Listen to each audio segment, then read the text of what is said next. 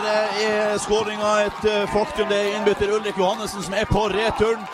Og her går eh, Mjølner amok med både tilskuere og spillere. Du hører på Innbytterpuls, en podkast av Mjølner med Robin Bergfall og Kenneth Claesson.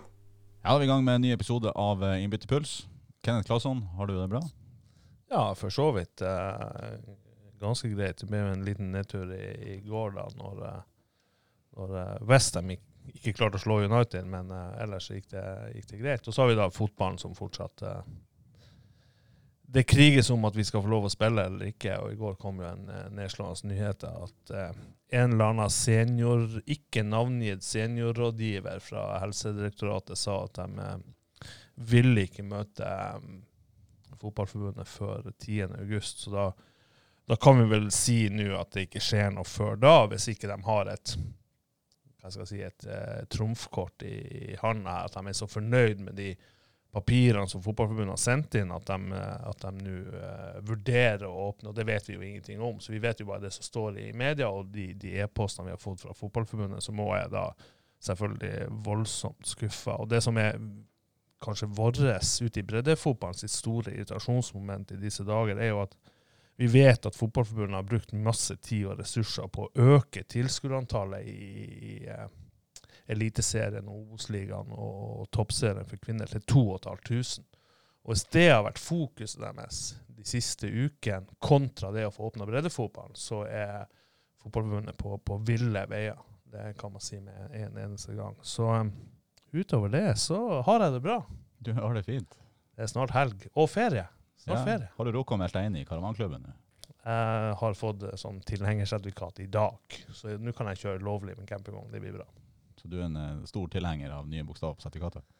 Det er det. Selv om jeg ikke har så mange, så har jeg nok.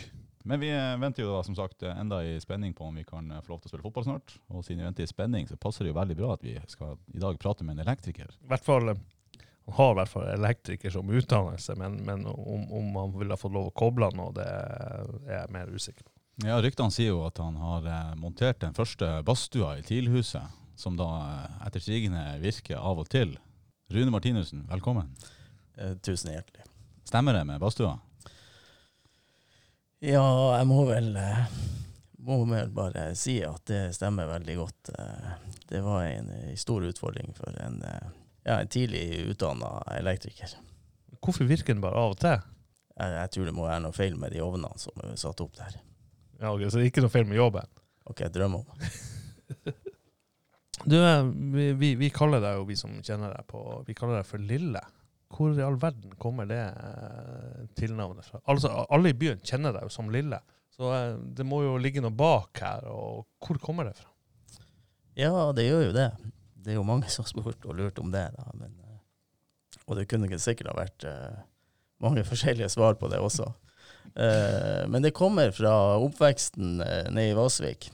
Vokste opp der eh, i lag med en herlig gjeng, og der det var mye aktivitet. Fotball, alpint.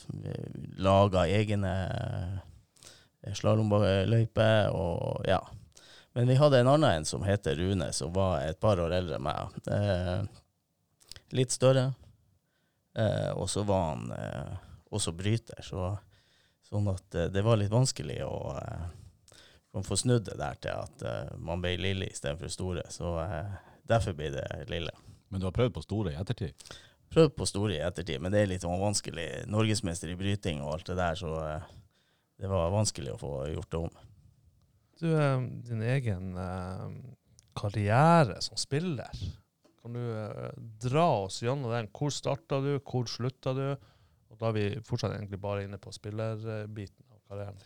Ja, som sagt så voks, vokste jeg opp i Vassvik, og det var vel der grunnlaget ble lagt. Eh, eh, på Løkka, mell, eh, på banen mellom eh, Vassvikveien og Sjøveien. Eh, det var vel der eh, stort sett alt av tid ble brukt. Frem til man begynte som aktiv i, i Mjølner, hva jeg skal si, 79-80. Eh, kom på fjerdelaget på puttelaget til Mjølner. Eh, vi hadde ikke noen trenere, eh, så jeg måtte ta eh, overgang til nord. Har eh, faktisk ett år i nord i eh, 79 eller 80. Etter det året der så var det over til Mjølner, og har vært eh, vokst opp i Mjølner siden da. Eh, var utrolig heldig med, med å komme i lag med et uh, vanvittig flott gjeng på uh, Mjølner. Uh, jeg tror 69-70-årgangen var, var ganske spesiell. Har vel kretsmesterskap opp igjennom alle årene, og i både putte, smågutte, gutte, junior. Hva som gjorde den årgangen spesiell? Nei, vi var, jo, vi var jo utrolig heldige med de trenerne som var rundt det laget der. Knut eh, Kristiansen, vi hadde han eh, Albin Hansen, ikke minst han Terje Skarsjord og Geir Indregard. Egil Michaelsen, Svein Willy Michaelsen. Ja, i fare for å glemme noen her, så eh, ja, det var i hvert fall veldig mange dyktige trenere som vi hadde opp gjennom årene. Hvem du spilte lag med i den årgangen der? Jeg begynner å bli gammel, så man husker det. Nei da, men uh, i den årgangen, og det er ganske spesielt, uh, så er det sikkert en ni-ti stykker som eh, har eh, eliteserie eller førstedivisjonserfaring.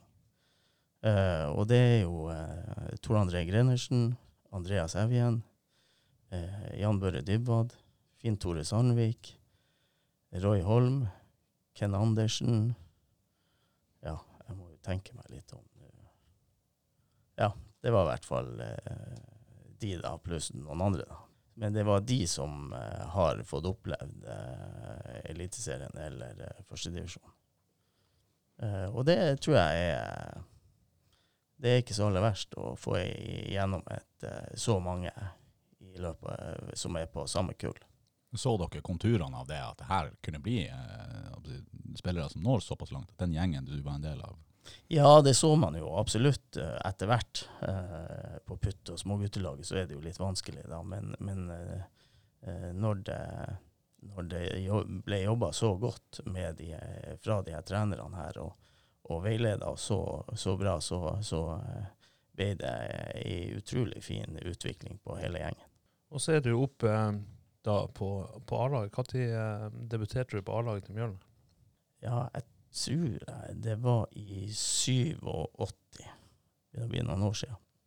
Men eh, da var jeg såpass heldig å debutere i en cupkamp eh, på, på Fauske. Og da, det gikk ikke spesielt godt. For deg er for laget. Ja, det var vel for meg og laget. Vi tapte 1-0 i første runde, tror jeg, for Fauske Sprint. Eh, og det var vel ikke noe spesielt hyggelig. Men det var, jeg tror det var det året Det var, det var samme helg som uh, Nordturneringa gikk. Eh, så jeg kom tilbake på lørdag eller søndag. Og da tror jeg vi spilte finale i Nordturneringa og vant. Og lite, en liten sånn eh, oppreisning for, uh, for smedelig cuptap. Absolutt. Eh, når deg som fotballspiller og, og, og styrker, svakheter, hva var du god på? Hva var, det, var du dårlig på? Nå skal ikke jeg si hva jeg mener du var dårlig på, men du kan få lov å fortelle det sjøl. Jeg kan ikke se noen svakheter. Ingen svakheter. Nei da, jeg, selvfølgelig hadde jeg det. Eh, Det er jo litt sånn vanskelig å, å se seg sjøl, da. Men eh, som svakheter så tror jeg jo at eh, tempoet var en del ut av det. Etter hvert så ble vi litt late òg. Så, det var mye inne i sirkel, men ja. Ellers så tror jeg jeg var ganske sånn OK på, på på forståelse, på, på ferdigheter. Uh, ja eh, eh, Overblikk. De tingene der som gjorde sånn. Det var vel pasningsfot og, og, og overblikk som kanskje jo var, var den beste delen i spillet mitt. Så du må jo ha noen gode egenskaper, for veien gikk jo da videre fra Mjølner sitt A-lag. Hvor, hvor uh, gikk du fra Mjølner og, og forsvant videre? Ja, jeg gikk jo til TIL i 94, men jeg hadde jo noen utrolige flotte år før det, da.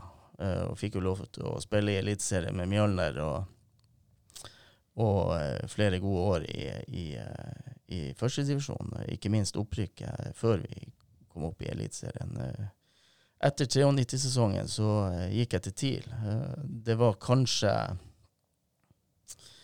et år eller to for seint. Eh, jeg hadde muligheten til å fære opp til TIL eh, etter 91-sesongen. Og det burde jeg kanskje gjort, men eh, jeg ble overtalt av noen eh, legender av trenere i Mjølner som gjorde sånn at jeg ble værende eh, noen år til. Eh, oppe i TIL så eh, var jo det selvfølgelig en stor opplevelse. Eh, fikk nå spilt eh, en del kamper, men satt mest og så på. Klager litt på innbytterbenkene, var ikke like god som nå. Eh, ja, men eh, et eh, flott år å ta med seg i spillekarrieren. Var det andre klubber inne i bildet enn TIL? Ja da, i, etter 91-sesongen så var det, var det Tuil også som var, som var i førstedivisjon, som også var aktuell. da. Eh, etter TIL var det også en del klubber som, som var aktuelle, men jeg søkte til trygghet. Men etter TIL så for du en annen plass. Ja, da for jeg tilbake til, eh, til eh, Mjølner. Har du vært i andre klubber enn Mjølner og TIL? Ja da, jeg har jo vært i Jeg fikk jo et, mitt siste år som, som, som fotballspiller, så, eh, så eh, fikk jeg jo spilt i eh, Fredrikstad. Og det var jo eh, også en eh, utrolig flott opplevelse. Der man egentlig ble litt sånn overraska over eh, interessen eh, nede i, eh, i Plankebyen. Første, jeg husker første seriekamp. Da var det, var det kø utenfor stadion. og... Og det var vel en 3000-4000 tilskuere som så.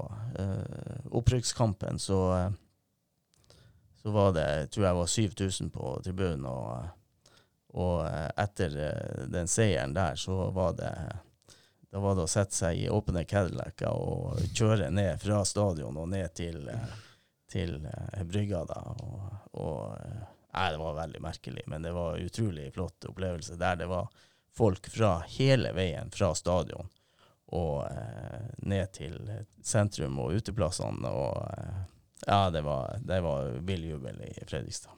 Jeg vil litt tilbake til, til den TIL-tida di. Skåret du noen mål? Ja, det gjorde jeg jo også. Jeg var jo eh, skåra vel på en tidligere eh, landslagskeeper, eh, Thomas Myhre, så eh, det ble 1-1 mot Viking hjemme. Husker du, husker du målet? Det var det selvfølgelig det målet. vi- Det er vel det eneste du skårte i TIL? Ja, det var det eneste jeg Ja, skåret. så det var ikke så vanskelig å dra ut et mål der. Nei, det var vel det, det husker vi.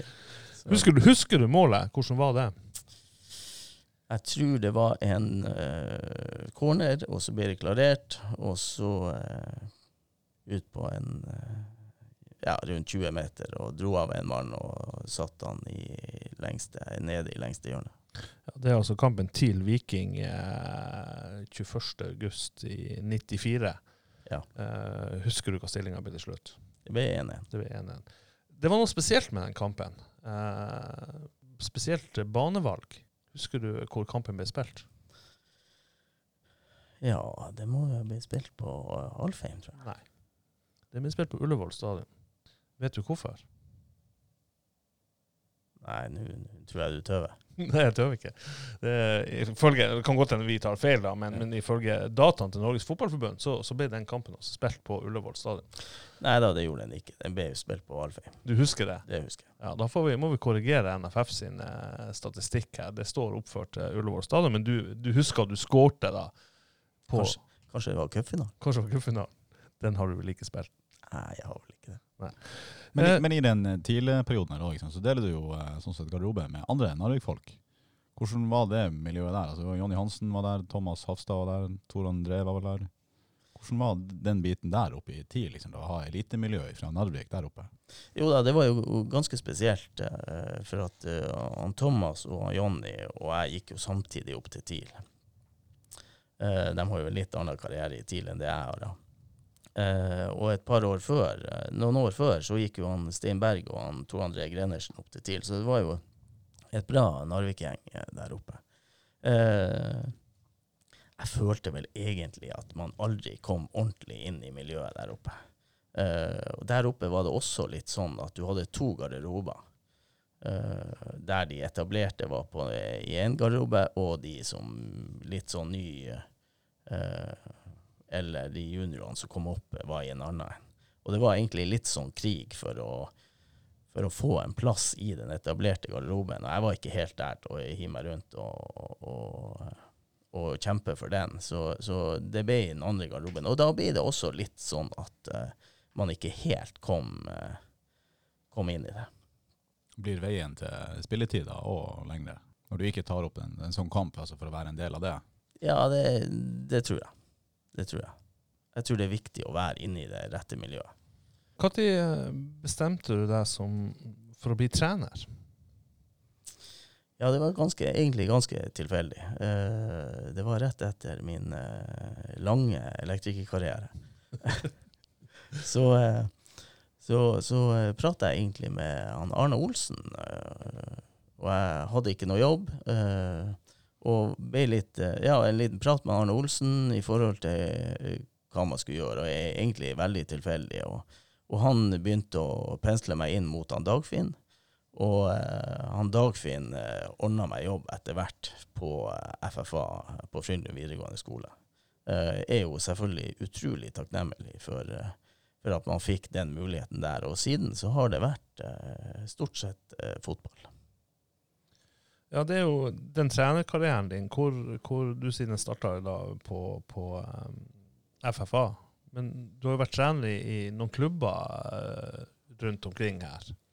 Ja da, det, man må jo, må jo starte en plass. Og, og først var det jo med spillerutvikling på FFA, og så eh, gikk jo veien videre til Vesterålen.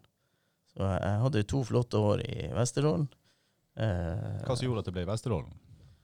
Ja, det er også tilfeldig. Jeg kom jo hjem etter å ha spilt uh, i Fredrikstad, uh, og ja, og skulle egentlig finne på noe nytt, og da uh, trengte Vesterålen en trener, og ja, vi ble nå enige, og det var, det var egentlig ganske sånn, i hvert fall til å begynne med, suksessrikt, og så, så plagdes vi etter hvert. Men da har vi, da har vi jo et lesespørsmål som går på, på tida fra, fra Eller lytter. Det, ja, lytterspørsmål. Eh, fra en Steffen Nilsen. Eh, Jeg vet ikke om du vet hvem det er? Ja, Eh, ja. Han lurer på hva som er ditt beste minne fra tida i FK Vesterålen? Ja, det er jo et eh, Det er et godt spørsmål. Men jeg, jeg syns det var, det var utrolig eh, eh, Man var utrolig nysgjerrig på når man dro dit og skulle gå inn i en, i en, eh, i en hovedtrenerstilling eh, der. Og, og eh, jeg klarte å flytte til en ny plass. Kjente jo ingen. Og det her med å klare å, å få til i gruppe som egentlig hadde plagdes over, over tid med å få, få til noe, så, så hadde vi en fantastisk første sesong. Og ut ifra den første sesongen der, så, så eh, hadde vi en, eh, en utrolig flott opplevelse nede i Trondheim og spilte mot eh, RBK2 med Rune Skarsjord som, eh, som trener der og ansvarlig der, så eh, dro vi i landet en seier med 2-1-seier som eh, Det var eh, Ja, den, den satte vi høyt der og da. Ja, vi snakker om andredivisjon i 2003. er det litt spesiell siden kompisen din eh, Rune Skarsro sto på laglederbenken på andre sida? Ja, det ble jo det. Det blir jo det. Og eh, ned der med lille Vesterålen mot, uh, mot eh, Rosenborg, så, eh, så var det en fantastisk prestasjon. Ja, etter årene i Vesterålen så gikk veien videre, og, og du havna Hvor havna du da? Ja, da havna vi i Tromsø Uh, og i Skarp. Eh, det ble én sesong der. Eh, veldig god sesong. Eh, lå an til å lede etter til sommerferien. Tror vi lå på andreplass. Eh, og så gikk det litt tråere utover høsten, da, men jeg tror det ble en fjerde-femteplass. Men det er også en lærerik sesong. Dere var ikke skarpe nok etter hvert. Det var vi ikke. Og ett år i Skarp, så havna du i Da var vi i Tuil. Det var naboklubben, for å si det sånn. Eh, under han eh, Truls Jensen. Eh, assistenttrener og ansvarlig for juniorlaget. Hadde en Det var i førstedivisjon. Så Nei, det var Starta jo der og var veldig, veldig tre fine, flotte år i, i Tuil. Eh, eh, med i eh, ei god spillergruppe, og der det ble litt oppturer og litt nedturer. Men eh, ja, eh, utrolig lærerikt å være der. Det går en historie om et forsvunnet draktsett i Tuel. Eh, kan, du, kan du fortelle oss hva det dreier seg om? Nei, det Åh, det må jeg jo tenke litt. Nei, jeg Vi- vi har- vi har- Ja, du må, du må, du må Vi har fasit. Det er jo det at, at det hjemmedraktsettet plutselig bare var borte.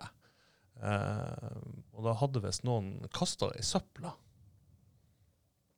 Det her er referert fra, fra stor Avisa Nordlys. Da var det altså vaktmesteren som hadde tatt feil av søppelsekk og draktsekk og, og hevet draktene i, i søpla på kampdag, og dere måtte spille i, i bortedraktene eh, neste hjemmekamp. Ja, det kan godt hende. Og Det- den kampen vant dere faktisk, så det, var, Ja. det sto vel at det var kanskje på tide å bytte draktfarger i, i Tuil.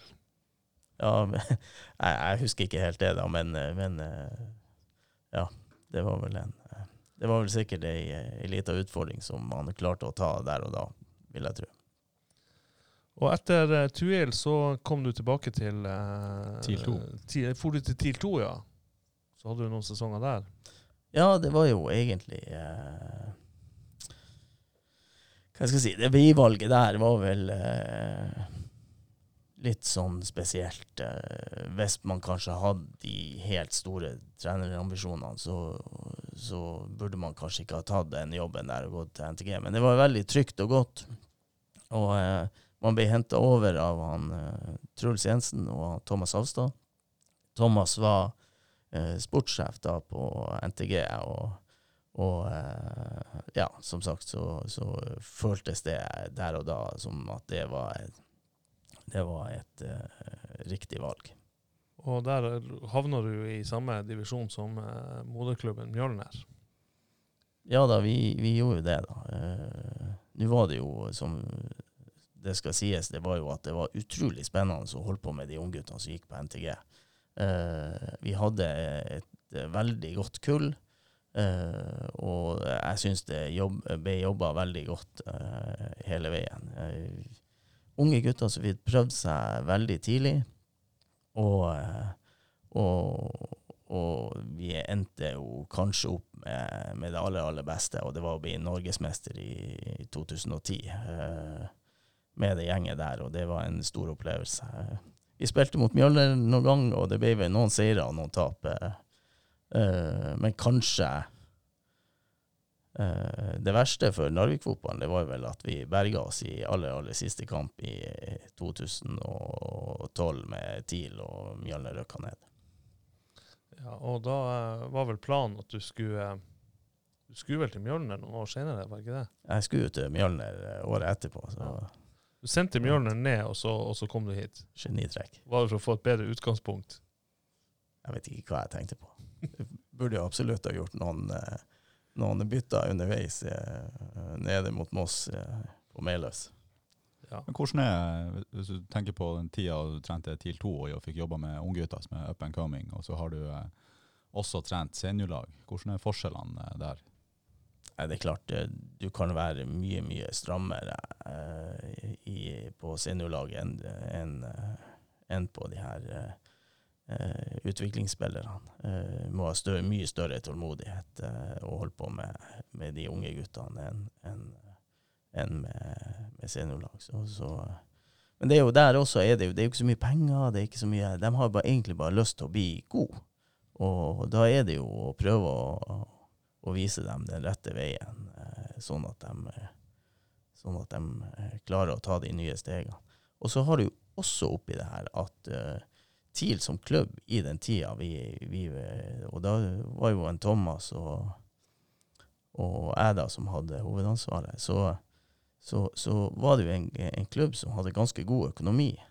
Så da blir det også eh, mye vanskeligere for de unge guttene å klare å ta det neste steget opp på A-laget til TIL. Så det var veldig mange som, som ble norgesmestere, som eh, måtte gå til, til andre klubber i første og andre divisjon, i stedet for å få, få muligheten på A-laget til TIL, for at de henta heller eh, noen fra Kroatia eller eh, Senegal eller ja.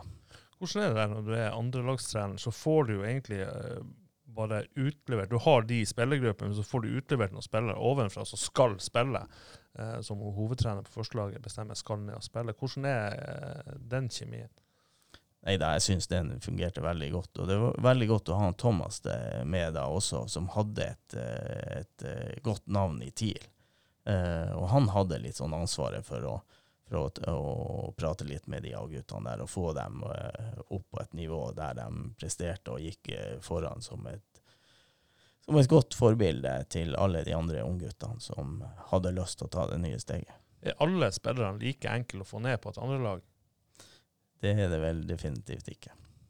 Er det utenlandske spillerne som, som er liksom store stjerner i, i, på øverste nivå, kommer ned og skal spille? Hvordan, hvordan tar de det?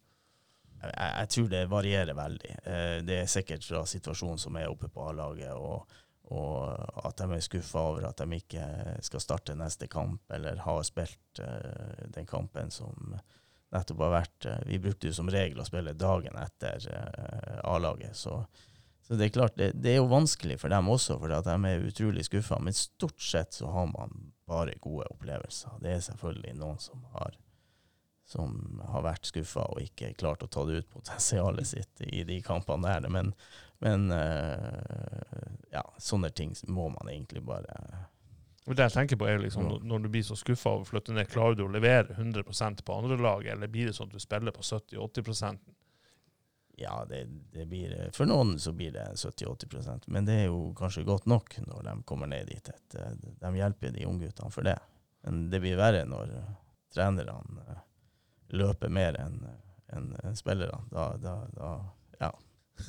Og trenere løper mer enn spillere. ja da, vi, kanskje vi springer inn til garderoben i pausen eller noe sånt. Da har du sprunget mer enn spillere. Ja, så, og det opplevde jeg jo det. Men det, det er sånn det er. Og, og du, du sa, var jo sjøl inne på at du, du, du sendte Mjølner ned og beholdt plassen, og så kom du tilbake til, eh, til Narvik og, og tok over et eh, Mjølner-lag. Hvordan var den hjemkomsten der?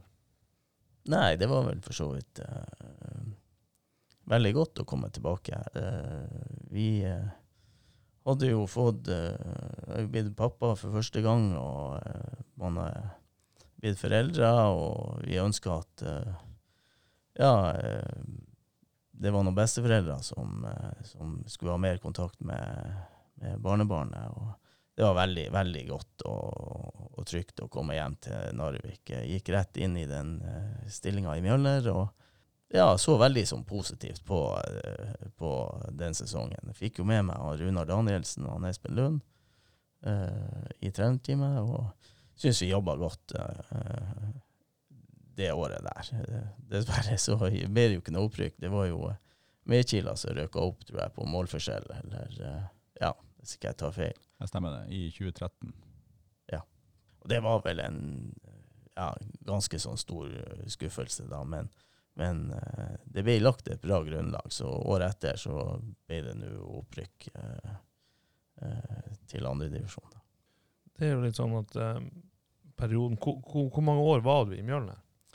Jeg ble jo der i tre år. Jeg endte jo opp med å få sparken etter eh, 2015-sesongen. Det, det var en tøff, tøft år med, der vi eh, røkka ned, og ja, det, det er vel sånn som det er. Når ikke resultatene er der, så, så er det bare å pakke Da, ryggsekk. da er det treneren som får skylda. Ja, det er vel sånn. Ja, det er sånn det er nå, uansett.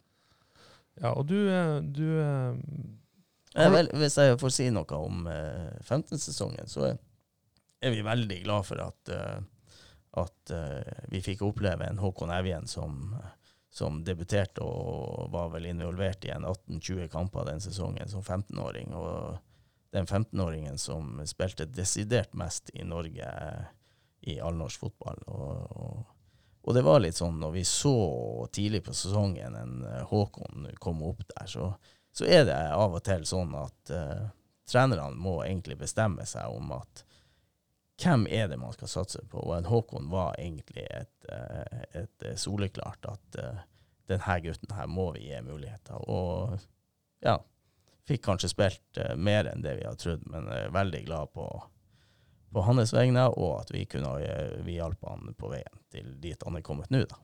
Fortell litt mer om det. Hva, hva er, altså, du sier at det er soleklart at eh, Håkon Evjen må vi satse på. Hva, hva var det bak de vurderingene? Nei, og da, da må jeg nesten tilbake til min egen karriere, for det tror jeg egentlig de gjorde med meg sjøl. en Dagfinn og en Svein Wille Michaelsen. Eh, når jeg kom opp i, i 87. Eh, så da tror jeg også det. der, OK, det første året så ga de meg en seks-syv muligheter. Eh, mens eh, Eh, mens eh, året etter, så, eh, når vi rykka opp, så, så hadde de egentlig bestemt seg for at OK, han, han må spille mye for å klare å utvikle seg. Og, og jeg har egentlig tatt det med meg i alle de klubbene jeg har trent, at eh, er det noen talentfulle gutter som har muligheten til å bli eh, veldig gode, så, eh, så bør de få mul muligheten til å spille i tidlig alder. Merka du det sjøl? Altså, når, du, når du da kjente, kjente du på den tilliten som du fikk? Var du klar over det der og da, at her er det noen som har trua på at jeg skal få det til? Nei, jeg tenkte jo selvfølgelig ikke på det. Jeg tenkte jo selvfølgelig at jeg var mer enn god nok til å spille. men, men, og det var jeg jo selvfølgelig ikke. Men de, de så nå litt lenger fremover i, i tid. Og, Ja, For det er, jo, det er jo mange som egentlig omtaler deg som Du var litt beskjeden når du skulle fortelle om deg sjøl i sted, men det er jo mange som omtaler deg som kanskje det største talentet som har vært i Narvik. Og eh, hvordan, Når du nå ser tilbake igjen på potensialet du hadde, hva, hva tenker du da om karrieren som du fikk? ja. Eh, hva man skal si eh, Nei, jeg, jeg, jeg er vel sånn noenlunde godt fornøyd med karrieren min. Det kunne selvfølgelig ha vært tatt et, et, valg, et bedre valg en gang eller to. For det er jo ikke noe tvil om at Eller tvil om hva man skal si At en ut av svakhetene var jo at man var kanskje litt, litt vel sosial. Uh, og, og, og det har vel kanskje gjort sånn at uh, utviklinga ikke ble sånn som den ble. Men uh, man har jo hatt det ganske artig på veien. Det det du husker du hadde det artig på veien. Det er viktig å ha det artig. Ja da, ja da, visst det er det, vet du. Og masse, masse gode opplevelser eh, som man har hatt. eh. men eh, men eh, av og til var det kanskje litt for artig. Men her er jo da erfaringer som du har dratt med deg inn som, som trener, og har jobba med ungdom, spillerutvikling, seniortrener og den biten der. Hvor, eh, hvor mye av den tida der som spiller og for deg tror du var med på å prege deg da som trener? Nei, det er nok, det er nok, det er nok eh, mye som, som fra spilletida, eh, spilletida mi og, over på trenerkarrieren min som, som har prega meg. Og jeg har jo henta utrolig mye fra de trenerne jeg hadde, og vært veldig takknemlig for å kunne ha hatt en, en Dagfinn Romo, en Sven-Willy Michaelsen, og ikke minst en Terje Skarsjord og en Geir Indrigard, som har, eh, som har eh, gitt meg masse læring på veien som jeg har tatt med meg. Eh, og det gjelder fortsatt alle de tingene som, som man har lært. Ja. Har du noen videre trenerambisjoner? Du har vært litt sånn borte fra fotball eh, de siste årene. Eh, for, for, for oss som kjenner deg godt og, og har deg nært på eh, hver dag, så, så er du ivrig på, på, på stadion, både på trening og, og, og kaffebesøk og de her tingene. Men, men har du sjøl noen videre ambisjoner som, som trener? Har jo fotball vært en stort del av livet mitt i alle år. Og eh, det er klart, det har vært godt nå egentlig å ha litt, eh, litt, eh, litt fri, og litt fri på ettermiddagen og i helgen. Og det har selvfølgelig familien min også eh, blitt vant til. Eh, Trenerambisjonen er eh, ja, så der, for å si det sånn, eh, jeg ønsker Det jeg egentlig sitter og, og, tenker på, det er egentlig litt sånn spillerutvikler.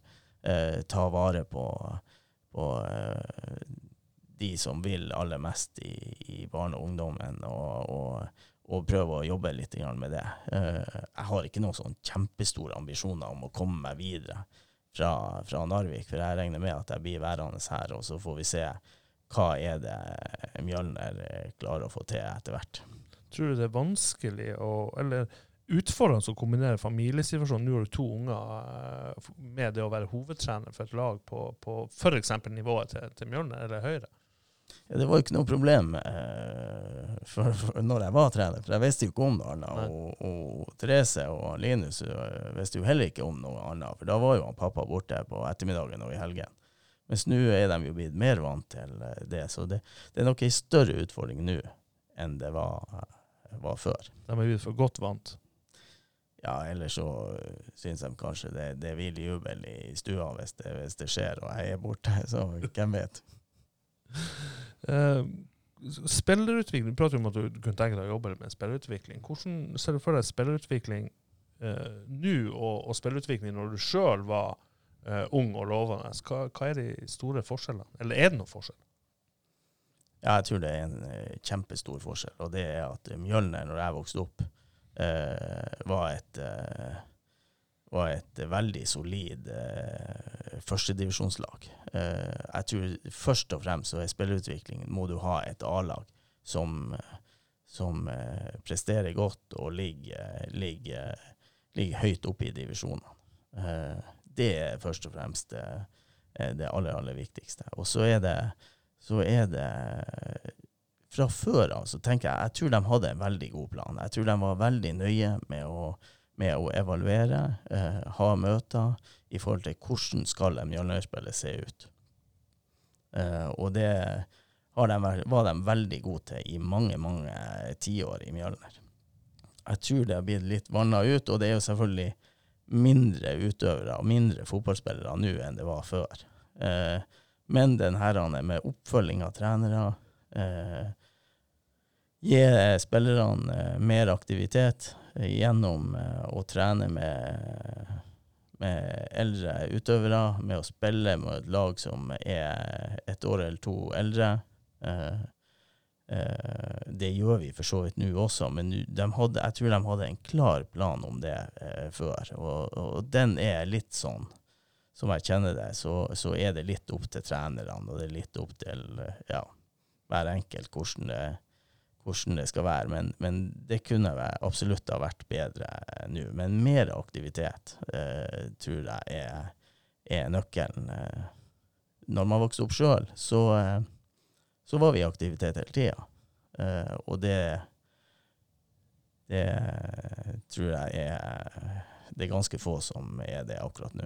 Så Før så var det vel, vel Dere spilte fotball også på fritida, altså eh, utenom organiserte treninger. Og det er færre som gjør det i dag. altså Det blir mindre løkke, det blir mindre friområder til å drive på med sånn aktivitet. Så dere spilte vel ganske mye fotball på egen hånd, Ja, utenom da, trening? Det var jo der man først og fremst lærte seg å spille fotball. Og, og men klart, vi hadde jo ikke TV, og vi hadde jo ikke telefon. Det er jo nesten så langt tilbake i tid. Og i hvert fall ikke TV-spill. Så eh, ja, vi hadde ikke så mange, mye, å, eh, mye å gjøre, så det var helt naturlig.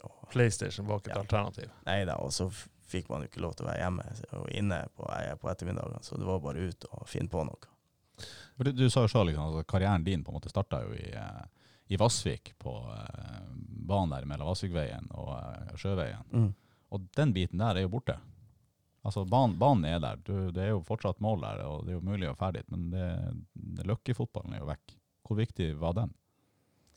Nei, den var jo, den var jo selvfølgelig utrolig viktig. Eh, man, man var i lag med kompisene sine. Eh, man gjorde det ene og det andre, og alt var nå ikke riktig. Men, men, men man var i aktivitet, og om man spilte fotball eller gjorde noe annet, så var, jo, var man i hvert fall i aktiv, aktivitet. Og det som man, Jeg ser jo bare fra det gjengen som var der nede, så hadde vi jo en to-tre norgesmestere i bryting, og vi hadde noe, noen som har eh, har eh, svart belte eller et eller annet i sånn eh, kampsport. Og, og det var fotballspillere der på et rimelig høyt nivå. Så, det, så, det ble, så det, med all den aktiviteten her, så gjorde det sånn at man ble ganske sånn allsidig. Eh, hadde jo også en lysende karriere i bryting. Men eh, etter å ikke klart vekta i, i 24-kilosklassen, så ja, var ikke det noe særlig. Så det ble slutt etter det. Spilte vel håndball også? Jo, da, jeg spilte håndball også. Eh, eh, og det var jo et fotballgjeng som heiv seg rundt og spilte, og vi var, ble vel til og med kretsmestere og var vel på kretslaget, hvis jeg ikke tar mye feil. Vi, vi, vi, vi berga oss på han Kenneth sjøl, det var han som styrte det aller, aller meste. Det var han som var hjernen bak eh, håndballsuksessen. Det var vel ikke noe tvil om det. Ja, det er bra. Du, hvordan, hvordan skal Mjølner som klubb klare å få opp eh, flere spillere fra egne rekker? Vi er jo inne på temaet spillutvikling, og da er jo det kjernen i det man jobber med. Hvordan kan man få flere spillere til å bli klar til å ta det, det siste steget opp på et seniornivå i egen klubb? Ja, jeg tror først så må Mjølner ta et veivalg. Eh, Nå har, de har vi holdt på å, å henta inn spillere, tatt opp noen, eh, og, og det blir eh, og, og ikke lagt så mye vekt på å utvikle egne spillere. Eh, sånn at enten så må du, hvis man kan si, bli en sånn kjøpeklubb der du nesten henter inn et nytt lag eh, hvert eneste sesong, eller så må du begynne å ha fokus på mer fokus på, på spillerutvikling og utvikling av egne spillere. Og, eh, og det betyr mer aktivitet. Kanskje i, i, i flekkene de, de beste eh, trener i lag eh, over flere alderstrinn. Du har eh, et bedre samarbeid med, med fotballinja på Frydenlund videregående skole, eh, som kan gjøre sånn at du tar nye steg. Da er du inne på selv samarbeid med, med idrettslinja. Hvordan, hvordan tenker du at det burde ha sett ut? Sånn, det er jo et, et, form for samarbeid i dag, men kanskje ikke, ikke godt nok. Men hvordan skal man klare å få det til å bli så bra at vi i lag klarer å utvikle gode fotballspillere? Først og fremst så må vi nå eh, se på, klare å se på utøverne som er der, og hva er det de trenger, og i samarbeid eh, legge opp en plan. Jeg tror, tror det er veldig viktig at man trener mye mer spesifikk eh, rolletrening eh, kontra det som blir gjort, eh, som har blitt gjort, i hvert fall eh, i forhold til at det blir masse basistrening som, som kanskje blir eh, i overkant mye. Uh, og så er det det, det er en kartlegging av, av utøvere hele tida. Så er, det, så er det en kamp om å, om å kanskje få inn de få talentene som er rundt omkring, til å begynne på Frydlund videregående skole, sånn at du har et råmateriale som, du, som, som det er mulig å jobbe med. Der eh, bør faktisk klubben og skoler klare å gjøre en mye bedre jobb. Mjølner eh, i dag, eh, vi var inne på at du er, du er ivrig på stadion, selv om du ikke er trener og har noen offisiell rolle. Så hvordan vurderer du de siste sesongene, og, og, og hvordan tror du årets sesong, hvis den kommer i gang, vil kunne se ut? Det var jo en kjempesuksess å, å sparke Martinussen i 2015. For etter det så har det jo vært. Han Stian Johnsen har jo hatt noen flotte år eh, i Mjølner. eh, Klart å bygge det opp, og, og var jo egentlig eh, ganske nært til å, å ta en kvalikplass eh, i andredivisjon med, med det laget. Var det i 2018? det? 18, ja. Ja. Og så blir det litt sånn som eh, jeg har prata om, at, at plutselig så forsvinner det masse folk fra det laget. Eh, og så blir det veldig Kommer det en trener inn seint, og så blir det vanskelig å bygge lag og skal hente inn spillere. Eh, og dessverre så ble det jo nedrykk i fjor. Eh, jeg er ikke noe tvil om at de gjorde en god jobb, eh, de trenerapparatet. Eh, men- Usikker på assistenten. Eh, ja, han var jo det store, han var jo det store spørsmålstegnet. Og, og, Er det enda? Selvfølgelig. Og ja, noe må gjøres. Nei da. Og så, eh, eh, har jeg vært og sett ganske mye nå i år, og, og eh, jeg syns at han Jan Tore og han, Robin eh, fikk en kjempegod start. Har bygd opp laget nå i, i vinter og, og vår, før eh, koronaen eh, tredde inn. Sånn at Ja, og så Ja. Og, og etter de starta opp, så syns jeg egentlig at det har vært litt vanskelig, og det syns de helt sikkert sjøl også. Og det, det er ikke å drive på med samme idrett når du ikke får ha kontaktsport. Og, ja, så det har nok vært eh, ei større utfordring enn de eh, så for seg. Ja, kan jeg bare skyte inn der da, sjøl, liksom, altså, som, som trener for den gjengen der, så er det jo vanskelig i den koronabiten når du ikke får spilt treningskamper, og det ikke er muligheten til det der, liksom, så er det jo det er fort gjort å bli fartsblind. Altså Man vet ikke helt hva er nivået vi egentlig holder på med. Du, du har jo liksom bare referanser fra tidligere, men du vet jo ikke hvor du er nå. Eh, men, men i forlengelsen av det der, hvis vi sammenligner med 2019-sesongen der, liksom, hvor det da er, det er 23 spillere fra den sesongen der som hadde spilletid i andredivisjon, som er vekk. Og nå er man i 2020, og klubben har tatt en litt annen retning. og Av stallen i dag, så er på, sier du det på 23 mann, så er det 17 av de 23 som er lokale. Tror du det er en riktig valg av Mjølner å, å gå den veien? Ja da, absolutt. Absolutt. Det er sånn som vi prater om, at uh, vi må begynne å kunne utvikle egne spillere. og det- gjør det jo mye lettere. for Du har en større mulighet at han blir her over lengre tid enn de her er leiesoldatene som kommer inn, og så er de ett år, og så drar de. Uh, og så må du begynne å hive deg rundt og, og lete. Og Kenneth vet jo alt om det i forhold til uh, hvordan det er å få tak i nye spillere. Det er, det, er ikke, det er ikke veldig enkelt å få dem til å flytte opp til Narvik og spille, skal spille fotball i andre eller tredje divisjon. Men du, du, du har jo en, en enorm kunnskap om nordnorsk fotball og fotball eh, generelt. Og, og hvis, vi, vi er tilbake på årets sesong, og hvis den kommer i gang, hvordan tror du at det Mjølnerlaget som du har sett nå på, på masse treninger, vil kunne komme til å gjøre det? Jeg syns det er veldig vanskelig, for at du, får ikke et riktig bilde av eh, hvordan, hvordan eh, laget vil fremstå. Eh, Nå når du ikke kan eh, drive på med skal vi si, ordentlig fotball. Eh, og så er det litt sånn som Robin også sier, at du blir blind, og så blir du eh, Så referansene til hva som er godt nok, det er egentlig viska litt ut. eh, Sånn at du, du håper egentlig bare at det, det kan være godt nok. Men, men eh, så får vi se. Jeg håper selvfølgelig at de skal gjøre det, gjøre det veldig bra, men jeg er litt usikker. Men i forhold til, nå du er inne på koronaen og den situasjonen som jeg innleda litt, litt til her, og som jeg innleda hver, hver episode med det siste. Eh, hva tenker du om den situasjonen der? Altså, du som utenforstående fotballelsker og, liker å se fotball, hva tenker du om det som, det som skjer? Noen får starte, noen får ikke starte. Ja, det, det er jo selvfølgelig litt vanskelig å forstå. Samtidig så høres det ut som noen, noen av de som formidler de her tingene, har ganske, ganske mye greie på, på, på det her. Eh, men det er klart, du, det blir jo veldig mye sammenligna med at det, du kan nå plutselig dra til utlandet, du kan fære eh, du kan fære på bar, du kan fære på restaurant, og så kan ikke ungdoms- og, og, ja, og breddefotballen åpne. Så ja, man, eh, man er jo litt forundra, men eh, jeg håper nå at de eh, klarer å få satt det i gang eh, fortest mulig. Eh, Skjønner jo at det er stor frustrasjon i, i hele Fotball-Norge, eh. Vi får gjøre som de sier. Det er ganske mange tusen som er uenige med de her såkalte ekspertene. Men, men Mjølner, nivå, hvordan nivå mener du at Mjølner som klubb bør eh, sikte på å ligge, og, og hva skal til for å nå dit?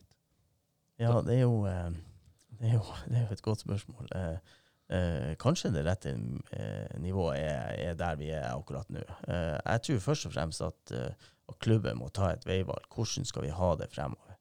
Og så må man, så må man ansette noen eh, trenere som er, som er som er klar, og som ønsker å være med på det veivalget der. Nå tror jeg det har vært Det er utrolig vanskelig å, å, å takke ja til en trenerjobb i Mjølner når det er så usikker foran hver eneste sesong. Hvem er det jeg vil ha som fotballspiller på laget? Og, og med å gjøre det ja, tryggere, og, og, og at du ser et bilde av hvordan laget blir fremover, så, så, så tror jeg det veivalget der må Enten må det bli at vi kjøper nye spillere eh, hvert eneste år, eller skriver over lengre kontrakter over lengre tid. Eller så må du begynne å jobbe mye, mye bedre i, gjennom barne- og ungdomsavdelinga. Kontinuitet er et viktig ord her. Ja, det er vel det.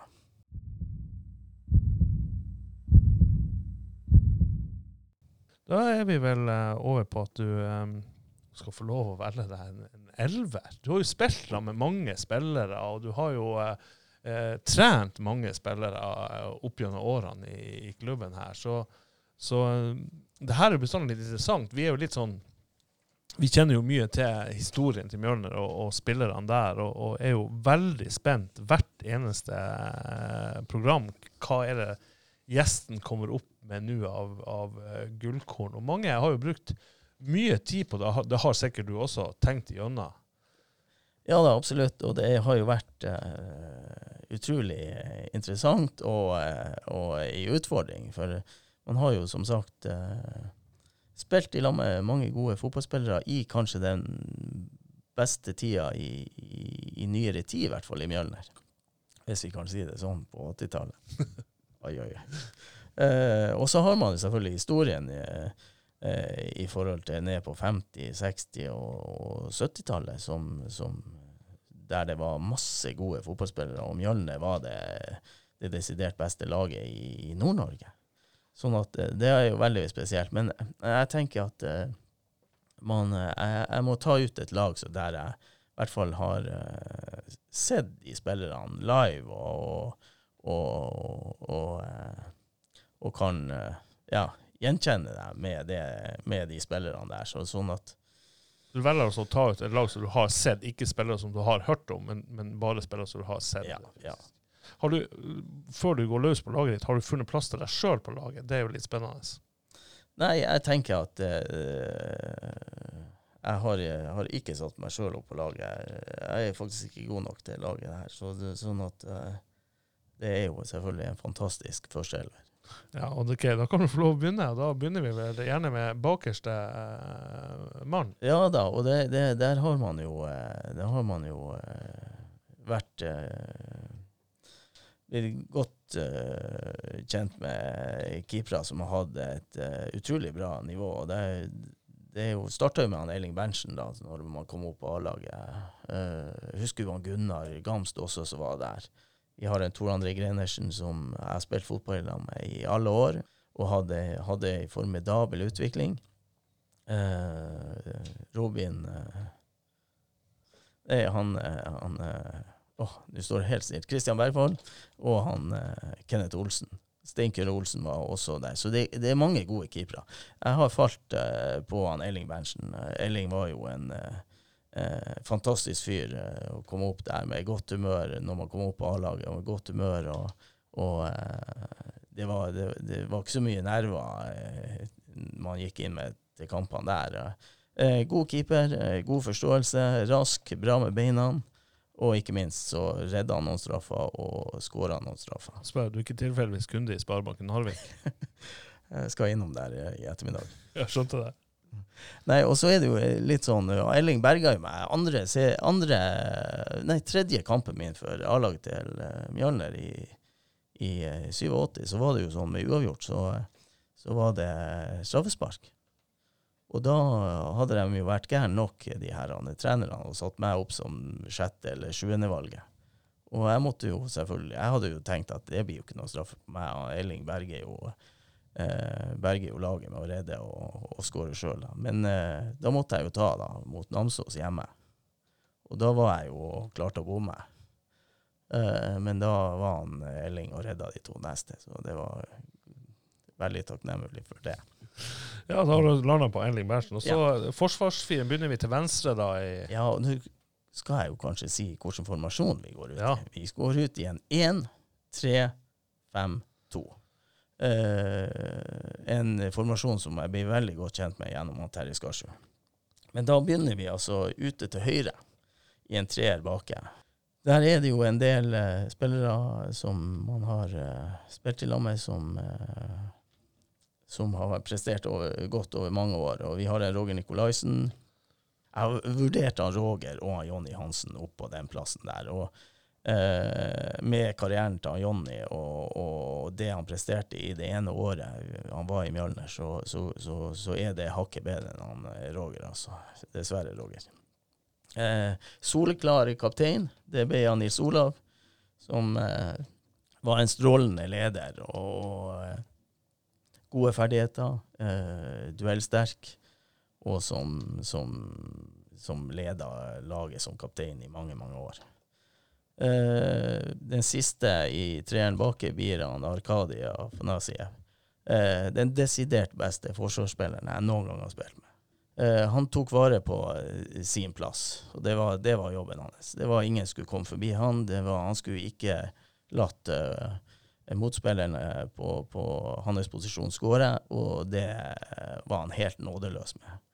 Jeg hørte jo han, han Rune Edvardsen fortalte litt om, eh, om eh, kampen mot Bodø-Glimt i cupen, tror jeg, hjemme et år der. Da spilte han mot Åsmund Bjørskan.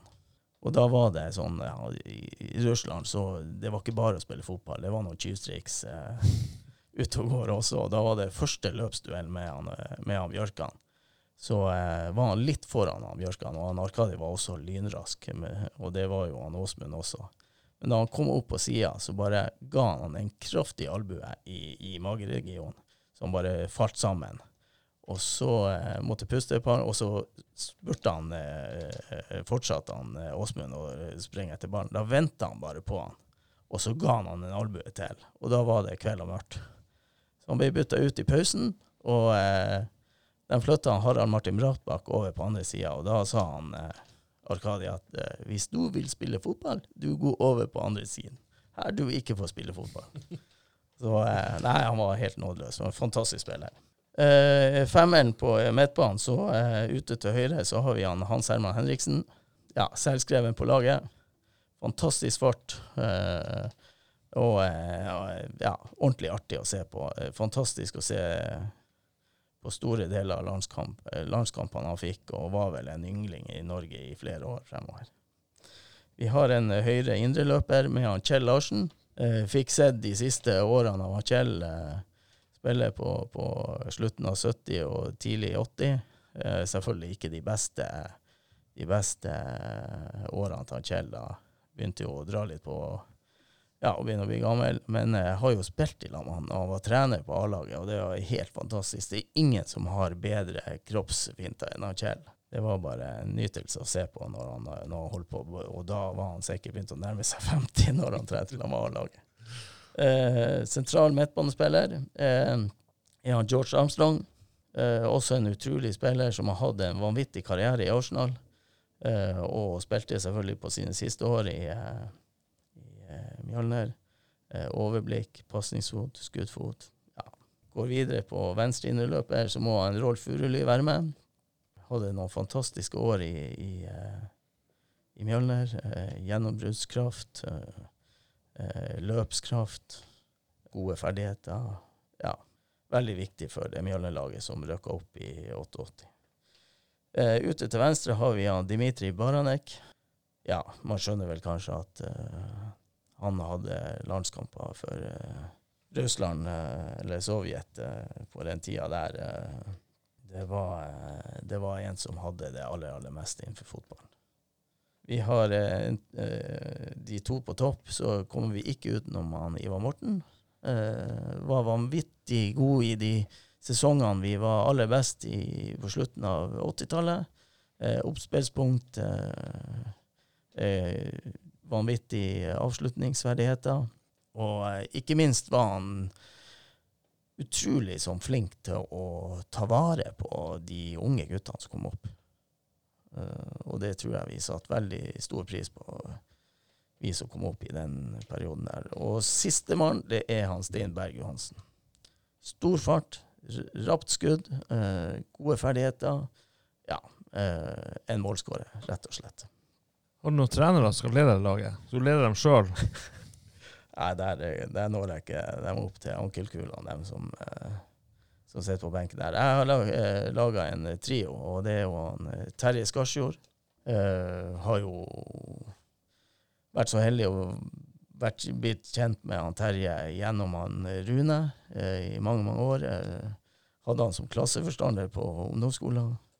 Jeg vet ikke om han syntes det var like artig som, som jeg, da. Men, men, men en faglig dyktig trener. Eh, bestandig godt forberedt eh, og hadde en eh, stram disiplin. Mest sannsynlig den beste treneren jeg. Eh, Dagfinn Rogmo er neste. Også faglig dyktig, en motivator og, en veldig sånn god kompis å, å, å ha som trener. Forståelsesfull. Når vi har gjort noe galt, så greit. Vi fikk ta den straffa vi, vi fikk, men, men, men eh, ellers så, så var det lagt i Han glemmeboka. var ikke langsint. Eh, og den siste er en Sven Mille Michaelsen, som eh, eh, var veldig glad i. Eh, en som var utrolig sånn inspirerende og en motivator som klarte på en eller annen måte å skape en utrolig sånn tru om at eh, det var mulig å få til ting. Eh, en litt sånn dødballfrik. Eh, Elska å sette opp eh, dødballvarianter. Det var fra avsparkstrekket. Og da kan vi jo tenke tilbake til i 88, var det vel. Da skåra vel Mjølner det raskeste målet gjennom tidene i all norsk fotball. Eh, med avsparkstrekk og eh, borte mot eh, Sunndal med avsparkstrekk. Tilbake til Nils, opp på venstre kant til heading. Ned til en eller annen som la inn, og så skåra vi. Og det hadde vi øvd masse på. Og uh, det får være uh, Svein Willy sitt uh, verk. Eh, ellers var det cornerer, det var innkast, og det var frispark. Det var eneste vi ikke trente på, femmetere. Så eh, Nei da, men det var veldig sånn eh, eh, artig og inspirerende å holde på med. Ja. Så eh, det blir uh, trenertrioen. Spennende eh, lag. Det er jo noen spillere som, som går igjen fra de andre tidenes lag her, men hvis ikke jeg husker helt feil, så er det vel første gang han Ivar Morten og han eh, George Armstrong er, er inne på et lag her. Og Ivar har vært på benken. Vært på benken, han- nå er han inne på laget. Ja.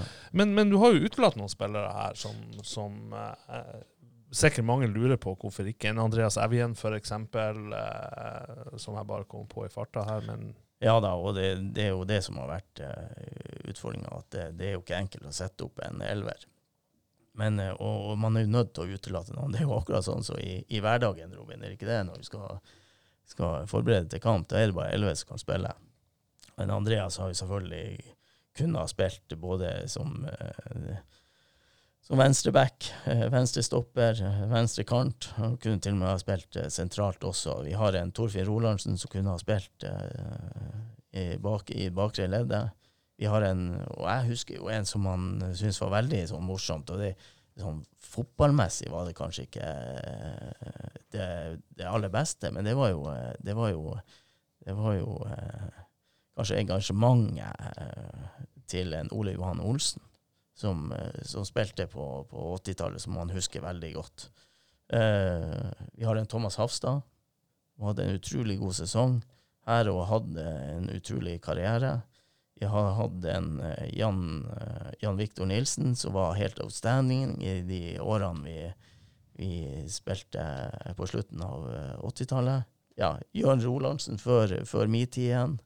Så det er masse, pluss de herrene, de som man ikke har fått sett, med en Klasken Iversen. Jeg har en onkel eh, i han Tor Helge Brustad, som har hatt en fantastisk karriere i Mjølner.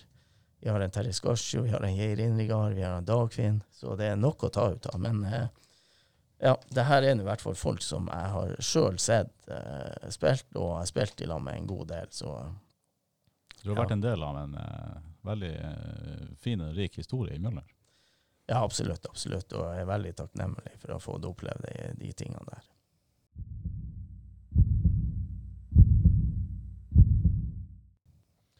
så er det jo sånn at alle gjestene som er inne her, eh, blir jo utfordra på en quiz også. og Det jo eh, det har vært høyt nivå på, eh, på de resultatene så langt. Eh, Har vi noen leder? eh, Hvem er pallen i den quizen vår? Kenneth eh, Solberg Hauge som, som leder med ti av ti. Ja, det var full score og kort tid. Ja. Og så eh, Jeg regner med at du skrev en tiårskontrakt der eh, før, før, så han fikk, eh, fikk fasiten. Det trenger vi ikke å gå inn på akkurat nå. den var eh, Den var ikke rigga. Den, den var faktisk ganske vanskelig. Særlig. Så eh, det handler om Nei, det er en stadionkvist da, der du skal eh, Der du skal eh, Robin blir å lese opp noen eh, stadionnavn, og så, og så skal du si hvilke klubber som spiller. Så er det jo igjen den røde tråden som vi ikke skjønner noen ting ut av. Robin har gravd i, i arkivet og, og funnet en rød tråd som burde passe deg godt. Eh, og så får vi eh, se hvordan det her går. Eh, så eh, Robin, du kan begynne å lese. og så det sånn at Du kan si pass, og så kommer vi tilbake. Det er altså ti stadionnavn og klubber vi skal, skal frem til. Du har ett minutt. Veldig spennende. Og så, eh, og så eh, sier du pass hvis du ikke vet, så kommer vi tilbake til de hvis vi har mer tid igjen. når vi går gjennom alle. Så eh, Robin, det er bare å, å Kjøre på. Kjøre på når du er klar. Ja, det er sånn at det er ingen norske her, bare så du er klar over det. ai, ai. ai. Yes, da er vi klar. Da er vi første. Linser stadion. Lins. Lins. Ja, Lins. Jan Breidel stadion. Pass. Astana Arena. Eh, Astana. FK Partisan Stadium. Partisan Beograd. Kars Jans stadion. Pass. Camp Nou. Ja, Barcelona. Parc de Princet. Paris Saint-Germain. Estadio Mestalla.